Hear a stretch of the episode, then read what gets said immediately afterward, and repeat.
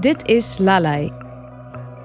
De podcast waarin wij, Leonore Spee, Anke Verschuren en Sascha Bornkamp op zoek gaan naar het geheim van slaapliederen. Slaapliedjes zijn van overal en van alle tijden. Zolang er mensen waren, hebben zij hun kinderen gesust en in slaap gewiegd. Wat betekenen slaapliederen voor ons? En wat vertellen ze over ons? Over onze menselijkheid? Over ons ouderschap? Dit is aflevering 5. Fatima Lou.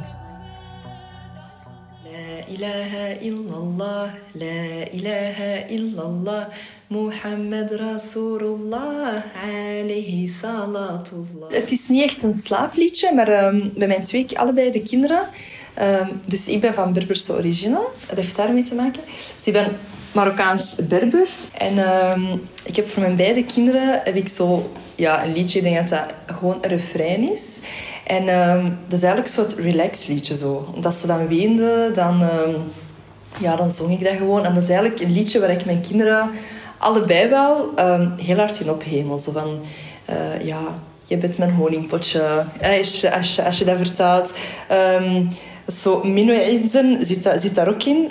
dat wil eigenlijk zo zeggen van mijn zoon die ik, uh, of mijn dochter dan, die ik opper, opper, opper lief heb. Zo. Dat er zo echt oneindig lief heb van mijn kinderen.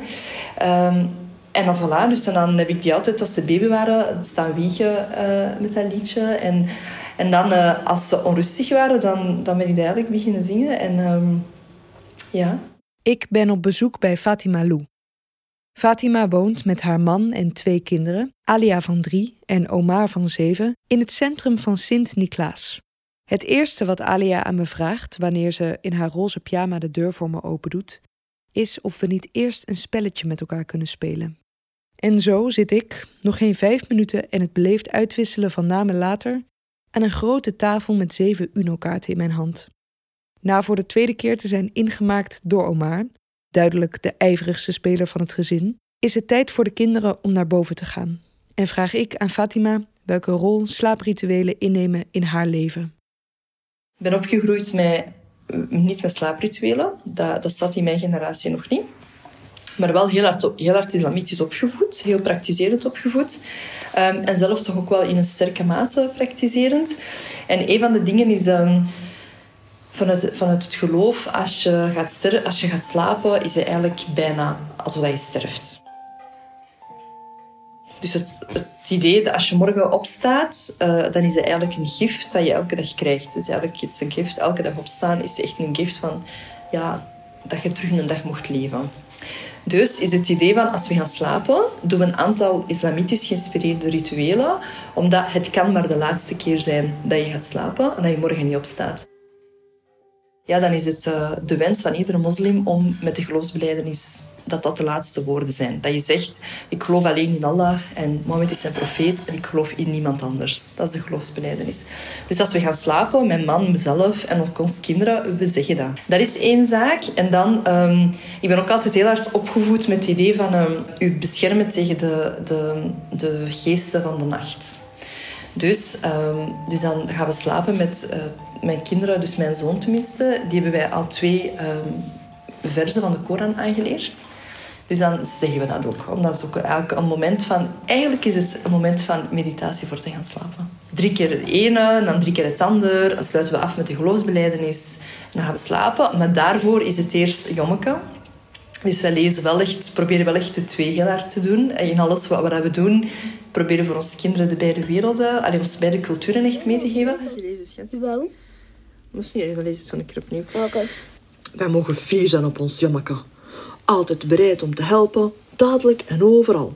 Een echte held. Gaat je niet liever mee naar Zuid-Amerika? Wat? Maar natuurlijk. Gaan Annemieke en Rosemieke ook mee? Ah oh nee, liever niet. Het kan misschien een gevaarlijke onderneming worden. Alleen voor mannen. Hm, vrouwen kunnen dat ook wel, hè? Ja. Ja, ja? Wat is choco daar? Geen idee. maar choco nemen we wel mee. Die zullen we wel kunnen gebruiken. Oei, oei, oei, wat een ramp. Choco is ziek. Jammeke, Filiberke. Wat ik van mijn ouders heel heb geleerd, is uh, het idee van elke nacht kan uw laatste nacht zijn. Is van gaan slapen altijd met iets. Dus altijd met de geloofsbeleidenis. Dat is wat ik van mijn ouders heb geleerd. Maar het is niet dat ze ons kwamen toestoppen in bed en bij ons bleven. Dan nog, nee, we zijn heel, ehm, we zijn heel functioneel, rationeel, koud opgevoed. Um, ja, je kruipt in bed, je trekt je deken over je en je gaat slapen. Hè. Eh, je hebt daar weinig emotie uh, daarbij kwam kijken. We hadden ook geen vast slaapuur of zo. We hadden niet... Ja, ik herinner me dat ik ja, de ene keer om negen uur ging slapen, de andere keer om elf uur. Dat was er niet. Onze ouders waren bezig met andere dingen. Hè. Die waren bezig met werken en brood op tafel zetten. En onze moeder was bezig met al haar kinderen op te voeden. Als ze zeven keer een slaapritueel moest doen. ja, daar ben je wel even bezig, hè.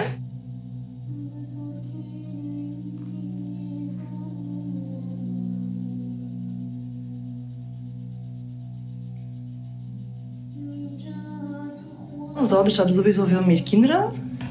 Uh, die zijn zelf opgegroeid op het platteland in Marokko. Ja, daar is, was tenminste echt geen ruimte voor emotie. Je moest hard werken op het land en je moest echt overleven. En, uh, ons papa is heel vroeg beginnen werken. Die is heel vroeg um, volwassen moeten worden, terwijl hij eigenlijk nog, ja, nog een tiener was. Uh, langs de zijde van mijn grootouders was dat het beste wat ze konden geven aan hun kinderen. Is een stabiliteit. En die hebben ook nooit armoede gekend. Dus in dat opzicht was dat voor mijn, voor mijn grootouders toch al echt wel een verdienste. Um, en dan de generatie van mijn ouders. De verdienste dat ze hebben gedaan is van Marokko naar hier komen. En ons eigenlijk ook gewoon een zekerheid en een toekomst en alles gegeven. Dus voor hen is dat het, ja, het allerbeste dat ze ons konden geven. En er was gewoon geen plaats voor voor emoties. En onze ouders konden ook niet lezen, dus al het opvoedkundige aspect, alle boeken, alle artikelen. Ja, nee, als ze geen Nederlands kunnen of geen Frans kunnen, ja, dan valt er wel een groot deel weg. Um, we zijn nooit iets tekort gekomen. We hebben altijd, uh, echt, ja, echt altijd alles gehad wat we wouden. Dus voor hen was dat al een, een super vooruitgang ten opzichte van hun ouders. Dus waar dat wij dan nog een stap vooruit gaan en zeggen van oké, wij kunnen onze kinderen ook het financieel, ook de geborgenheid en de veiligheid geven. Dus gaan wij een stapje verder naar het emotionele.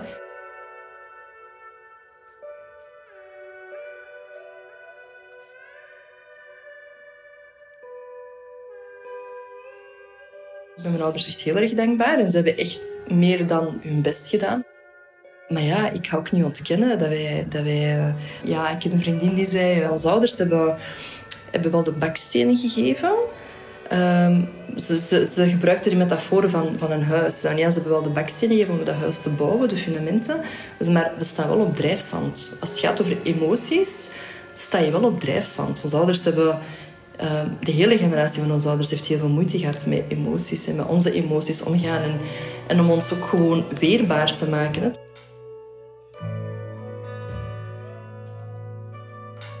Ashhadu. Zit, ashhadu. لا إله إلا الله اثنين وأشهد Ik vind deze alleen lekker. رسول الله أوكي علي هنو مليكة أشهد أن لا إله إلا الله وأشهد أن محمد رسول الله أشهد أن لا إله إلا الله وأشهد أن محمد رسول الله ما هيك نوح ليش زين ما فين جبا فانا هليك هم عليك هم عليك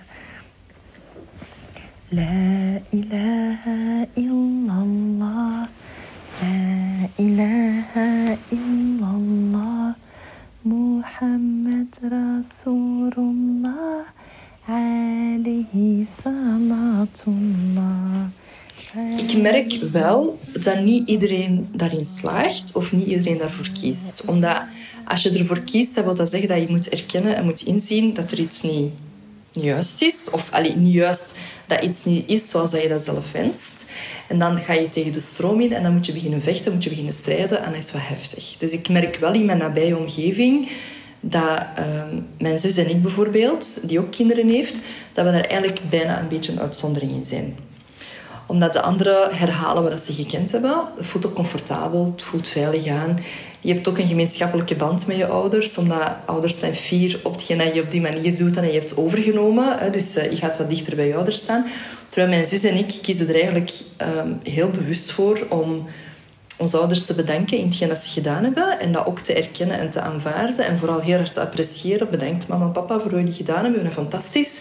Maar wij gaan het niet op die manier doen. Mm. Hou bij mijn liefje. Slaap wel, liefje. Tot morgen, inshallah. Sinds dat ik mijn zoon heb, zeven jaar nu, um, ga ik ook naar een therapeut. En dat is nog altijd niet opgehouden. Um, omdat dat ook wel een deel van mijn eigen proces is ook. Om, om, eigenlijk was het voornamelijk vanuit de opvoedingsvraag ook echt, echt naar haar. Ik heb haar letterlijk gezegd, ik wil het anders doen. Uh, help me erbij. Het is niet gemakkelijk, want het kost tijd en geld. En, en, heel veel moeite ook. En toch wel heel wat kwetsuren die je dan terug wel open gaat maken. Maar uh, als je kinderen hebt, dan, ja, dan dat is gek, maar dat neemt volledig alles over. Dat is zo van, je wilt echt gewoon het beste voor je kinderen. Ik wil geen egoïstische kinderen binnen 20 jaar. Eén ding dat ik geleerd heb is, ja, bijvoorbeeld, als je kind een tekening maakt dat je niet mooi vindt, mag je het ook zeggen. Mag je ook zeggen, oh, je hebt er heel veel tijd, je hebt, dat, je hebt er heel veel tijd in gestoken, je hebt alle kleuren gebruikt. Uh, maar niet zeggen dat je een lelijke tekening vindt, maar dat je niet altijd moet zeggen, oh wauw, oh wauw, oh wauw, zo mooi. Want dan gaan je kinderen eigenlijk nooit... Je gaat je kinderen nooit leren hoe dat ze moeten omgaan in een situatie die niet in hun voordeel is. Wij communiceren ook heel veel met onze kinderen. En onze zoon die kwam laatst thuis en hij had, um, hij had een pet. En zijn vrienden hebben hem uitgelachen met zijn pet. Ik vroeg, heb je erop gereageerd? Dan zei hij, ik heb gezegd, ik vind dat een mooie pet. Voilà. En ja, dat is fantastisch, hè. En dat dat is fantastisch. Ik vind dat, max. Is, is, is zeven jaar. Dus als hij op die manier... Dus dan leren we ook, ja, je moet de ander niet gaan uitdagen. Als hij het niet mooi vindt, dat is oké. Smaken verschillen, kleuren verschillen. Uh, dat wil niet zeggen dat jij het lelijk hebt. Dat wil dus... En als hij erop reageerde, maar ik vind het wel een mooie pet. Ja, dan, dan stopt het. Ik weet dat we eens een keer aan het eten waren en ik zei, maar jouw, jouw, zusje, jouw zusje vindt het wel lekker. Waarop hij tegen mij zei, maar ik ben mijn zusje niet. Ja, ik vind dat de max, hè van de max. Dan, ja, hebben we gezegd, ja, je hebt gelijk. Je hebt gelijk. Ja, dat is waar. Hè? Maar als we dat gezegd hebben tegen onze ouders, 20 jaar geleden, ja, dan... dan nee, dan had dat niet goed gekomen. Nee. De hippe term van vandaag is uh, inner child healing. Is zo wat de term van vandaag. Dus als je daaraan werkt en je gaat je eigen inner child eigenlijk um, ja, healen en, en aanvaarden en liefhebben en graag zien, ja, dan gaan er heel veel andere deuren open en dan zie je heel veel, veel meer. En dan, dan kun je het beste van jezelf geven aan je partner in je relatie, aan je kinderen in je andere relaties. Dus ik ben, ben er naartoe gegaan met het idee van help mij, want ik wil echt ik wil, ik wil een andere opvoeding aan mijn kinderen geven. Maar dat is niet met die vraag, dat je, het is niet met het antwoord op die vraag dat je buiten komt. Je, je begint en je begint en je graaft en je graaft nog een keer. En, ja, de ene keer komt op een kwetsuur tegen waar je al lang vergeten waart. Ah, dan moet je daar nog even aan werken. En dus gaandeweg ben ik ook gewoon zelf een veel beter mens geworden. Veel beter in mijn vel, omdat je ja, heel veel dingen aanvaardt en apprecieert. En je kunt er niks aan veranderen, maar je kunt er wel anders mee omgaan. Slapeloze nachten zijn bitter hard, zijn keihard, maar je hebt gekozen voor dat kind. En dat komt ook met slapeloze nachten. Die dan onze maatschappij dat te veel verbloemt en te romantisch maakt, kinderen hebben. Ehm, ja, ik denk persoonlijk dat mensen dat er misschien te snel voor kinderen wordt gekozen, zonder dat het inner kind van de ouders in C nog aangepakt is. Dat je, zo, je moet eerst heel sterk in je schoenen staan, denk ik. Maar misschien ook niet voor algemeen. Sadakallahu al-azim. Ashhadu. Ja. أشهد أن لا إله إلا الله وأشهد أن محمدا رسول الله. أشهد أن لا إله إلا الله. وأشهد أن محمدا رسول الله. أشهد أن لا إله إلا الله. وأشهد أن محمدا رسول الله. Sadakallahu al-azim. Gaan we lekker slapen, liefje? Dit is een podcast van Leonore Spee en Sascha Bornkamp, samen met Teletext, in samenwerking met Anke Verschuren. Lalai is een project van gitaarkwartet Zwerm en muziektheaterhuis Walpurgis. In co-productie met de Singel en Clara Festival. Ondersteund door de Vlaamse overheid en stad Antwerpen. Ben je geprikkeld om naar de voorstelling te komen? Dat kan. Lalai gaat op 17 maart in première op het Clara Festival en gaat daarna op tournee. Voor meer informatie surf naar www.zwerm.be lalai. Heb je een vraag aan ons? Ben of ken jij een ouder met een bijzonder slaapritueel of een slaapliedje dat wij echt zouden moeten horen? Contacteer ons dan op info@teletextvzw.com. Dankjewel voor het luisteren en tot de volgende.